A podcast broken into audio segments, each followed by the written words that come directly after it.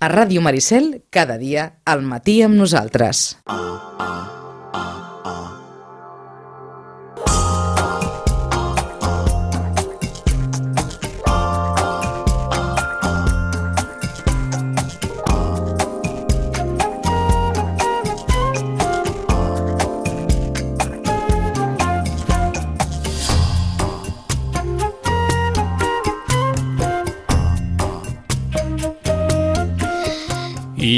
parlat gairebé de tots els llibres que estan a la llista dels uh, més venuts. Han canviat poc les, uh, les llistes dels més venuts tant en català com en castellà, en ficció en català, quan en dèiem xampany de Rafael Nadal, cançons d'amor i de pluja de Sergi Pàmies, El noi sense color de Haruki Murakami, No et refis de Peter Pan de John Verdon, nou, Les onades del destí de Sarah Lark, uh, Wonder de Palacio, la veritat sobre el cas de Harry Quebert, o en castellà, Los años de peregrinación del chico de Haruki Murakami, Huesos en el jardín, de Kenny Mankel, ho vàrem comentar el darrer cop que parlàvem amb Rosana Lluc, Dispara, Yo ya estoy muerto, de Julia Navarro, o No confis en Peter Pan, de John Verdon. Per tant, aquí hi ha una de les novetats, n'hi ha dues, una altra que ens ha cridat molt especialment l'atenció, que s'ha ficat a la llista dels més venuts així ja de cop, de John Verdon, aquest No confis en Peter Pan i Astèrix i els Pictes, de Janif Serrier i Didier Conrad, de l'editorial Brunyo. Ens diuen les notes biogràfiques d'aquest llibre. En el lliurament 35 els herois viatgen a Escòcia i descobreixen una altra cultura, però ens ha estranyat molt veure Astèrix i els Pictes en els llibres més venuts de ficció en català i en castellà. Rosana, bon dia i bona hora. Hola, molt bon dia. Eh, em sembla que això no ho havíem vist mai, encara. No, això va ser perquè eh, ha estat, mm, dic, com a, com a experiència pròpia haig de dir que hi havia posat doncs, que això era quan ens demanen les llistes dels més venuts, cada setmana doncs, posem doncs, els més venuts, i jo vaig posar una referència a sota que deia uh, Astèrix, evidentment, i tal, i em van dir, bueno, però on estaria de la llista? Dic, home, però és que no el posarem. Diu, on estaria de la llista? I clar, surt en el primer o en el segon, depèn uh. -huh. de la setmana. I s'ha decidit als diaris que sí, i que el posen dintre del, de la llista de, dels llibres. Però, però això és un llibre infantil, eh? Mm, bé, l'Astèrix és d'aquells de... Mm, però vull dir, eh, és De 9 a l'Astèrix... 90? Sí, però és vull dir que és l'Astèrix que És coneixem, eh? l'Astèrix, sí, sí, sí, són els dibuixos de l'Astèrix. D'acord, d'acord. Evidentment, com que... O sigui que darrere de Sergi Pàmies i abans del noi sense color d'Haruki Murakami hi ha l'Astèrix que tots coneixem. Sí, l'Astèrix que tots coneixem, que tothom, a veure, que la gent de 30, 40 i 50 està fent Ah. la col·lecció, no? I, de fet, eh, doncs, és un llibre que clar, s'està venent molt. Sí, per què? Perquè hi havia la curiositat de dir, bueno, doncs, ara que ja no, hi- no hi és, doncs, qui, qui, qui continuarà l'estela de l'Astèrix, no? Mhm. I llavors, bueno, per això hi ha aquests dos autors, uh, i per això se'n va i els hi arriba al poble d'Astèrix, doncs això, no? Un, un, noi, un noi congelat, eh? que és un picte, un escocès, eh? I clar, a partir d'aquí doncs, hi ha l'aventura, clar, ell, doncs, clar, fins que el panoràmic se'l pot fer parlar, etc etc perquè està congelat, o sigui, ha vingut amb una peça de gel que ha arribat Ahà. fins allà. Bueno, l'ha portat al mar fins allà. És una aventura de, de seguint l'estela d'ells i, bueno... Eh, em, eh, la pregunta és, eh, està a la llista dels més, minu dels més venuts, per tant, per una qüestió de, de criteri, de- de- d'incorporar-lo a... a... Sí, que l'han volgut incorporar perquè és veritat que és un dels més venuts, això és totalment veritat, i Sí. tot et diria que durant alguna setmana ha estat com el més venut. Uh -huh. És a dir, quan, des de que va sortir s'ha notat moltíssim i va ser allò, doncs, bum, no? tothom de dir, home, ja l'esperàvem, i, bueno, és això. Eh, em, venut mm, en especial a, a públic de què? De, de 30, de 40, a menor, partir major? no, no, no, no. A partir d'aquí, eh? Sí, sí, a partir d'aquí, sí. És a dir, la generació dels 30 en amunt. De 30 en amunt, sí. D'acord. Aquesta és la que més s'ha venut. Uh Mhm. Jo suposo que per festes també potser es vendrà més a, a públic més jove, eh? però la veritat és que ara realment han vingut gent que, que fa la col·lecció. D'acord. I per tant volia saber què ha passat després de René Goscinny i Alberto Derzo en la història d'Astèrix. Volien saber veure Mhm. com, no? com continuen les històries, si tenen tanta gràcia, si no... Perquè aquest és el primer Astèrix, Exacte. primer El Astèrix, que no té com a pares espirituals els pares espirituals de l'Astèrix. Exactament. I llavors, clar, es volia saber veure com això, si... Eh? si continuava o no. Clar, Ah eh? No és novel·la, no és assaig. No, no, no. És Astèrix. És Astèrix, tal com el coneixem a l'Astèrix, a l'Obèlix, eh? Ah eh, amb tots els altres personatges de, doncs, de... Escolta'm, a veure si un dia trobarem, no ho sé, Mortadelo o Trece Rueda del Percebe o, o, o alguna cosa així, eh? De, que de seguir. que no sigui, per De- exemple, l'Ibanyes, no? Per exemple, que no sigui la, la vet aquesta... Que, que, eh, ja veig que tira molt la qüestió de la nostàlgia generacional, eh? Sí, és curiós, s'ha decidit, jo no sé, ho han decidit tots els diaris alhora, Ahà. de posar-ho dintre les llistes dels més venuts, quan realment eh, és cert que quan surt un Mortadelo no el posem a les llistes dels més venuts, Però també es ven però també és moltíssim. moltíssim. Sí, sí, sí. Depèn I també, de i també, altre, i també en públic de 30 cap amunt? Sí, sí. Sí. Sí, sí, sí. I la tinc- veritat és que hi ha nens d'això, de uh, 10, més o menys, no? de 10 a 15, que, que, Sí. que els agrada molt, que no, els pares et diuen és que no li agrada llegir, però en canvi això sí que s'ho llegeix. I dius, bueno, és que ens passa igual que tots, no? Tots Mhm. vam començar llegint còmics, diguéssim, Sí. que veus en aquell cas. Però, eh? però el cas de Francisco Ibáñez és Ah. d'una carrera professional, Mm, vaja, Incombustible. incombustible, eh? Mm, és increïble, eh, vull dir, s'avança, fins i tot de vegades s'avança amb el tema que després surt dels diaris, Mhm. ell ja, per algun, saps, vull dir, quan hi va haver aquell, uh, aquell cas del mètode 3, Sí. els micròfons i tot això, ell ja ho havia posat en un, en un mortadelo feia uns mesos, o sigui, que abans de que sortís tot el- d'això, ell ja havia posat Mhm. que en un restaurant havia. Perquè, esclar, aquí, aquí estem parlant d'històries pròpies, amb guió propi, Sí, sí, tot que ve d'una sola persona i, sola i. Ibáñez ha, ha superat la vuitantena fa, vaja, fa, Sí, fa un quant temps, eh? cosa Fa dos anys o una, una cosa sí, així, eh? Sí, sí, sí, eh, i en canvi es manté increïblement, Realment? vull dir, actiu. Eh, en, va, n'afegim algun més, ja que hem estirat la beta d'Astèrix. Tintín, què tal? Tintín té el seu públic. I si surt alguna cosa de Tintín, alguna cosa... Eh, saps? Llavors es revifa tot. Mhm. Però, esclar, ara ja no tenim res més. Llavors Tintín ara ja és pels que tenen la col·lecció i van fent la col·lecció. D'acord, perquè la Eh? col·lecció encara existeix editada? Sí, sí, sí, Sí, totalment. Sí, la sí, col·lecció per es pot trobar, eh? editorial, eh? Per joventut. Què dius ara? Sí, sí, Mm? per joventut, per la Eh, mateixa editorial. Eh, Joventut continua existint com a editorial? Sí, sí, Joventut continua existint com a editorial i publiquen llibre més que res infantil, tenen Mhm. aquella col·lecció també de diguéssim, de viatges eh, de navegació, de viatges, eh, per això, Sí. i després tenen, doncs, el Tintín, tenen ells els drets, que hi va haver un moment que hi va haver un litigi perquè hi havia una empresa que feia uns llibres més petits que venien de França, etc i van acabar, eh? O sigui, els Mhm. que tenen els drets aquí és joventut, tant O sigui en català que, com en castellà. que aquella mateixa joventut que als anys 60 ja editava els Tintín en català i en castellà Sí, sí. és la mateixa que La continua mateixa. editant la col·lecció en català i en castellà. En català i en castellà, sí. S'havien editat, si te'n recordes, també amb llom de tela Sí. i tot això. Ui. Ara és tot de cartró, però cartró dur, Mhm. i continua. Aquell, aquell, aquell llom de tela tenia un cartró Sí, que, escolta'm, podies posar el llibre a la falda i berenar tranquil·lament, eh? exactament. Si convenia, Sí, perquè sí. allò no es plegava Sí. ni a la de 3, eh? No, no. De fet, se'ls ha de considerar que encara continuen tenint aquest cartró dur, o sigui que, saps allò que, que també fa patxoca, eh? Ahà. dir que són O sigui que els llibres estan, continuen estant molt ben editats, eh? Sí, sí, la veritat que estan... De fet, hi ha gent que té la col·lecció de fa potser 15 anys Mhm. i continua la mateixa, o sigui que D'acord. és un, una de les poques coses que encara ens en podem alegrar, no? Perquè tens una col·lecció i la pots continuar. Mhm. eh? I Joventut forma part d'algun grup editorial o No, va per... no, no, no. no. No, no, no encara són els hereus de, de la família, de, Caram. dels Cendrera. Doncs això té mèrit afegit, segurament, eh? Sí, sí, sí, de moment, de moment no. De moment no forma part, no forma part d'aquest grup. Eh? Mm. No, no, no. Eh, vinga, anem per aquest també, no et refis de Peter Pan, que no sé si n'havíem parlat, jo diria que no. No, segurament no, que és No. una d'aquestes novetats que han sortit. És que, clar, han sortit tanta novetat que potser ens l'havíem deixat en, el, Mhm. en el tinter. Ha sortit en català i en castellà, no confis en Peter Pan, és allò, no? Continuem tenint el, el, el David Corney, eh? que ja va resoldre els casos anteriors, però, bé, eh, un dels que van patir dels darrers casos va ser el Jack Hardwick, eh? Que va violar la normativa, diguéssim, per poder ajudar el, el David Carney, eh, el que, a resoldre casos, no? I els seus superiors eh, eh, van pensar que doncs, despedint-lo ja arreglaven el, els seus problemes, no? en, de, en realitat el que es van buscar és un enemic, un enemic a partir d'aquell moment, no? Ara el Hardwick es proposa demostrar la inaptitud dels, dels seus jefes presentant proves que serveixin per revisar algunes condenes que van ser molt sonades i ara el que ell vol demostrar és que es van equivocar.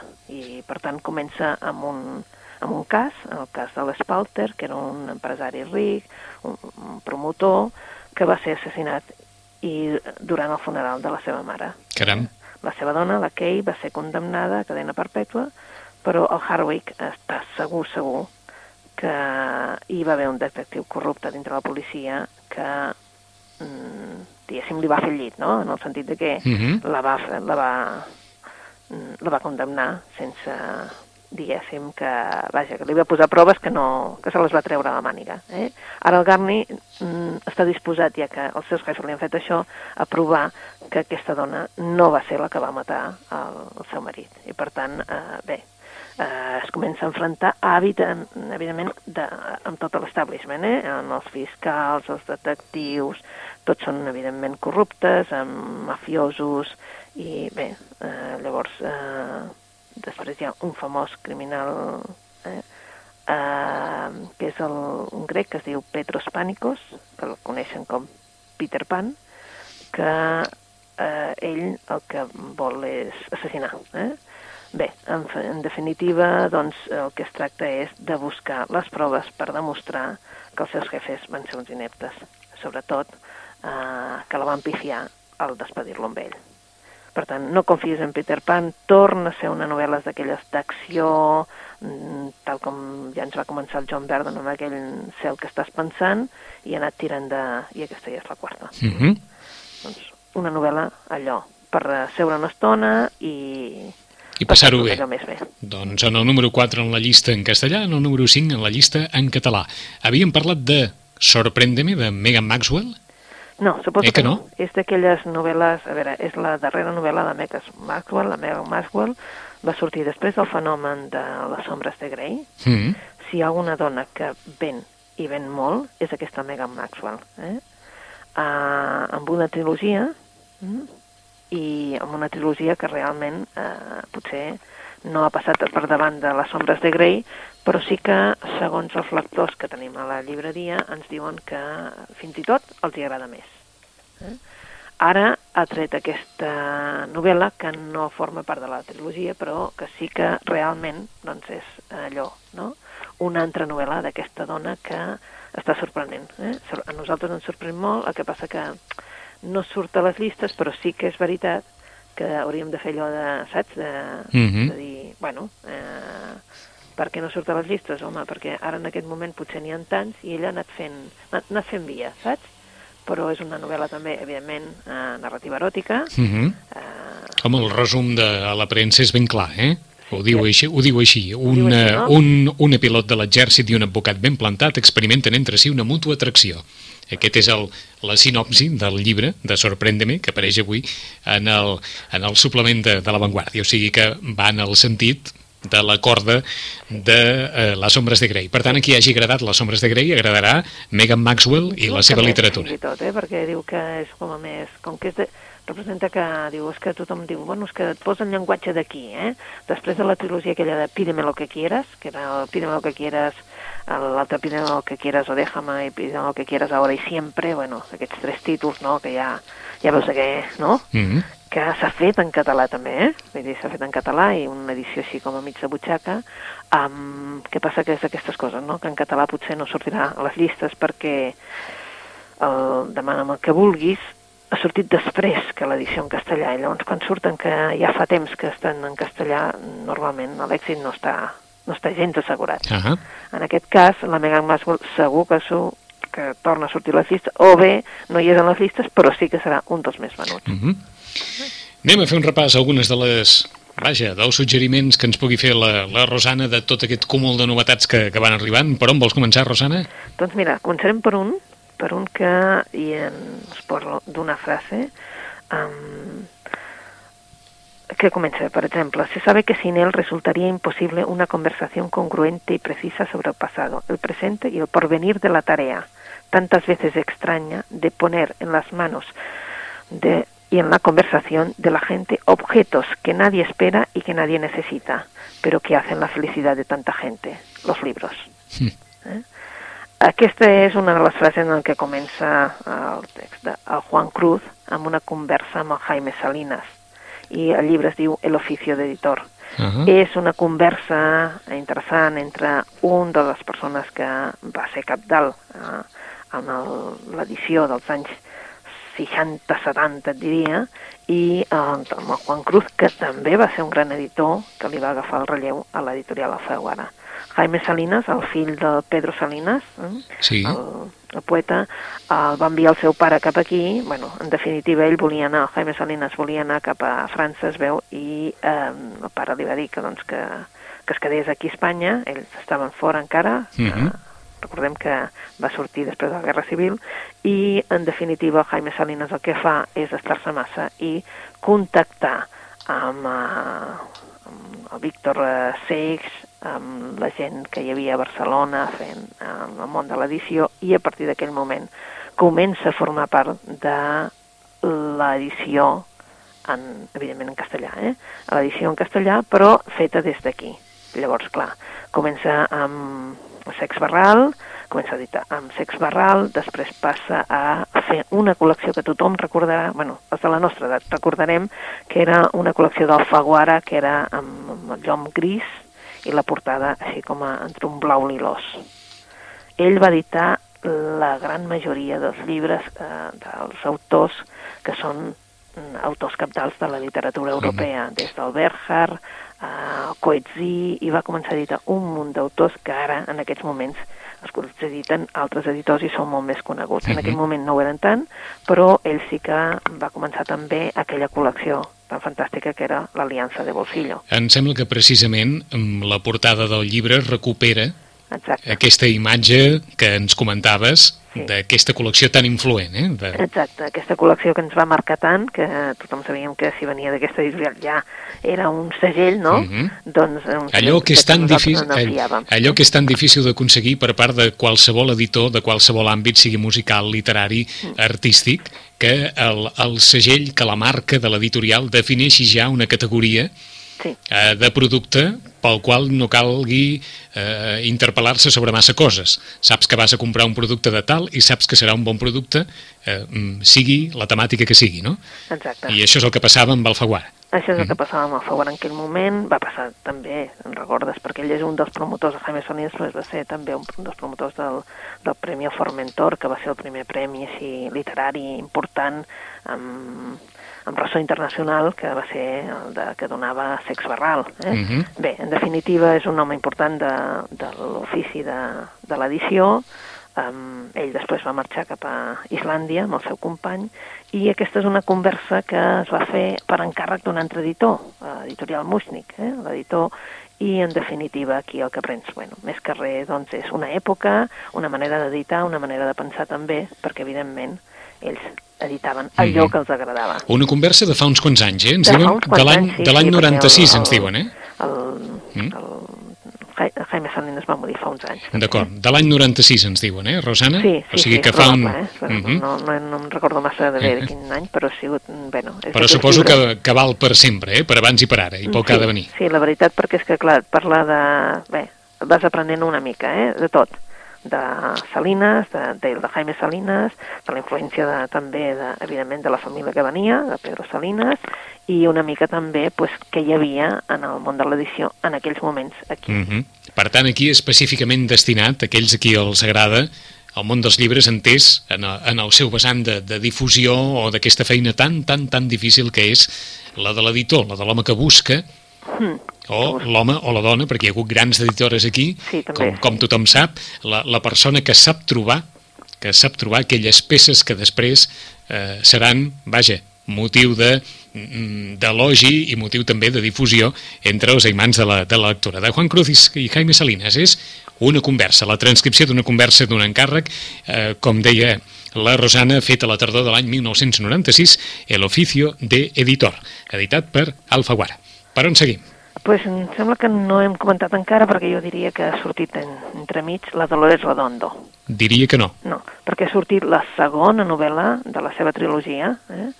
amb el, el Guardià Invisible va ser la primera novel·la d'aquesta autora, una autora que us recordem que és de Navarra, i una autora que realment doncs, va començar a...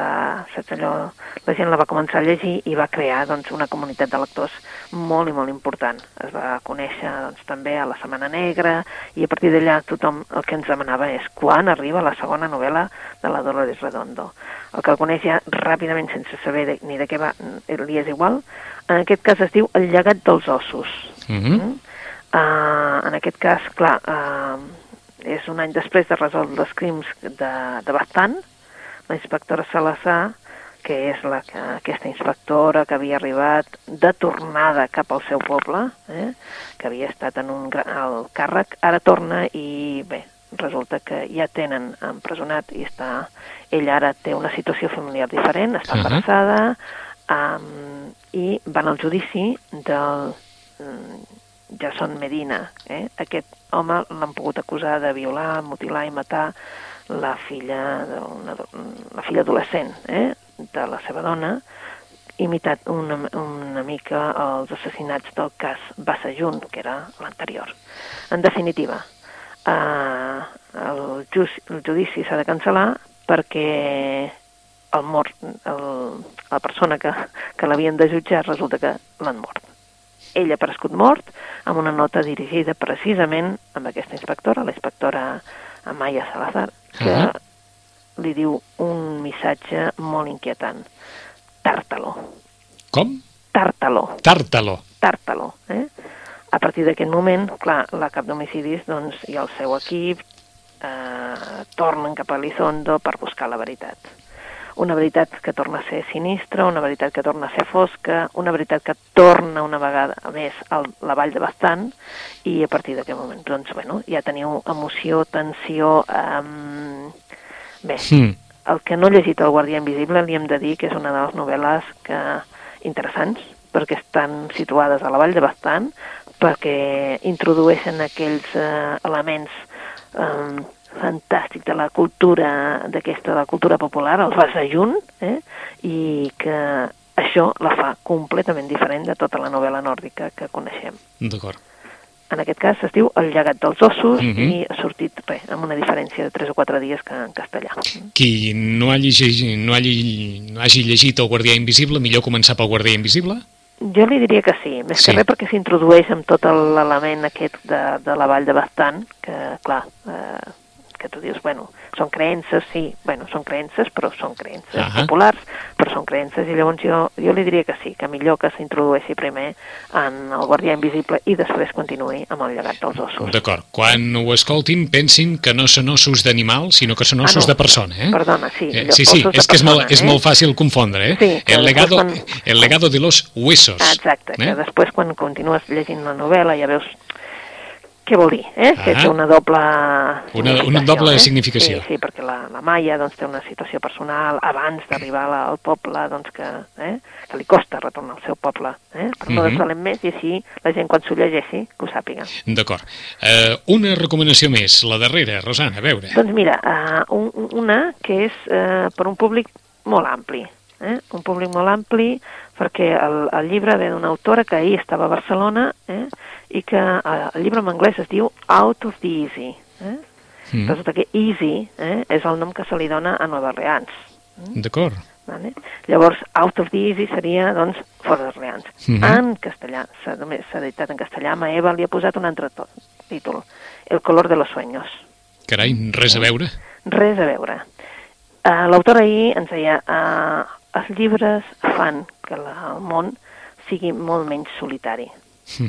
Bé, aquesta de El color de los sueños, el que fa l'autora és eh, posar-nos un personatge, la Josie, Joe, Josie, Josephine, en definitiva la Josie, Moraine, eh, que és la protagonista. Ella, en definitiva, li toca patir una mare eh, que es dedica a la prostitució, una mare que eh, l'únic que li ha dit de bonic és que a partir del moment que ella va néixer la seva vida es va destrotar perquè mm, és un element que li sobra en la seva vida i per això la Josie és molt petita que retornen a un poble, a Nova Orleans, al barri francès. Uh, un barri francès en el que doncs, hi viuen una sèrie de persones bastant, diguéssim... És un barri en el que doncs, hi ha prostitució, hi ha una madame, una madame que les cuida, a les prostitutes, i té una casa on anirà a parar la mare de la Josie. La Josie, a partir dels 10 anys, com que li fa molta nosa i no saben què fer-ne, um, ella es vol per si mateixa i se'n va a viure amb un senyor que té una llibreria. Eh? -hmm. I, a part i l'ajuda en la llibreria. Una nena que va a escola però que ajuda en la llibreria i que el llibreter, el Charlie, li procura un quarto davant, a sobre de la llibreria, un quarto en el que té absolutament tot, i la Josie se'n va viure allà. L'únic que va és cada dia a fer les feines, eh, a netejar, molt d'hora al matí, a casa d'aquesta madame, que és la Willy, que li farà com si, diguéssim, de segona mare, eh, ah. de manera una mica distant, però li fa de mare. Eh? Mm, què vol la Josie? La Josie, en definitiva, vol sortir d'això, vol sortir d'aquest món, vol sortir d'aquest món en el que només hi ha, doncs, això, no? Ella està marcada perquè és la filla d'aquesta dona i la Josie el que voldria és una nova vida, una nova identitat i és el que, bueno, la novel·la és una novel·la allò fàcil de llegir, una novel·la d'aquelles que t'arriben al cor, una novel·la que, que al final, doncs, bueno, dius, bueno, m'ha agradat, és una una novel·la en què hi ha el sentit de l'amistat i de que protecció d'algú que està intentant sortir i que no vol que el seu cognom o la, la vida que li han donat amb ella la marqui pel reste de la seva mm -hmm. vida. Aquella sensació dels llibres com una via d'alliberament, eh? Sí, sí, sí, sí. En aquest cas sí que ho és perquè és una nena doncs, que, saps, que eh, és molt amiga del, del fill de, del llibreter i entre dos doncs, tenen els seus d'això, no? Tenen els seus signes per dir quan entra un client doncs ells eh, fan apostes a veure què vol, no? Amb les mans ells ja en tenen uns signes per dir aquest voldrà doncs, una novel·la eròtica o aquest voldrà una novel·la, saps? Juguen amb això perquè en definitiva són bastant joves i després també doncs eh, és una noia que la seva via d'escape és la lectura. Mm -hmm. Per tant, Eh, Queda clar. He llegit a tots els clàssics, per parlar absolutament de tot, perquè mm, té unes notes increïbles a l'escola, per això. Eh? Ara, anar a la universitat de vegades mm, està vetat per alguns. Uh -huh. Només en uh, versió en castellà? Només en versió en castellà. Només en versió en castellà, és editorial eh? Maeva i és allò que dèiem, doncs una novel·la, doncs això, sí. Si fos easy, fos fàcil, que és fàcil, no? Sí. Doncs fàcil de llegir, fàcil de que t'arribi al cor, no? Uh -huh. fàcil de recomanar, és un, Quina, quina, quina traducció més... Sí, diferent, oi? Sí, anava a dir més, més insulsa és que, per clar, un... Uh, uh -huh. sí, quan, quan ens van comentar eh, que, que, és, que és clar, easy, per nosaltres sembla dir que és un... Si et diuen lluny d'Easy, sí, sí. lluny d'Easy seria lluny de, de què? Sí, sí. Saps? Com Cert. si fos un poble, sí, però clar, no sabem què, no? Allò, uh -huh. la gran poma és Nova York. Però ens ha, semblat, ens ha semblat una mica tòpic, això del color de los sueños, eh? Sí, a mi el, a, a mi el, el, el títol no m'agrada gens, tampoc, eh? eh vaja, ha semblat així una mica, no sé. Sí, sí, eh? sí, però ja et dic, és una, això, una nena que, uh -huh. que el que vol és d'això, eh? Uh... Una novel·la que llegeixes en 3 hores mm. i que, bueno, tens aquest regust d'aquesta de personatges que volen sortir-se'n mm. i que, en definitiva, de vegades la família que t'ha tocat o la mare que t'ha tocat no és l'adequada i hauríem de poder-la canviar.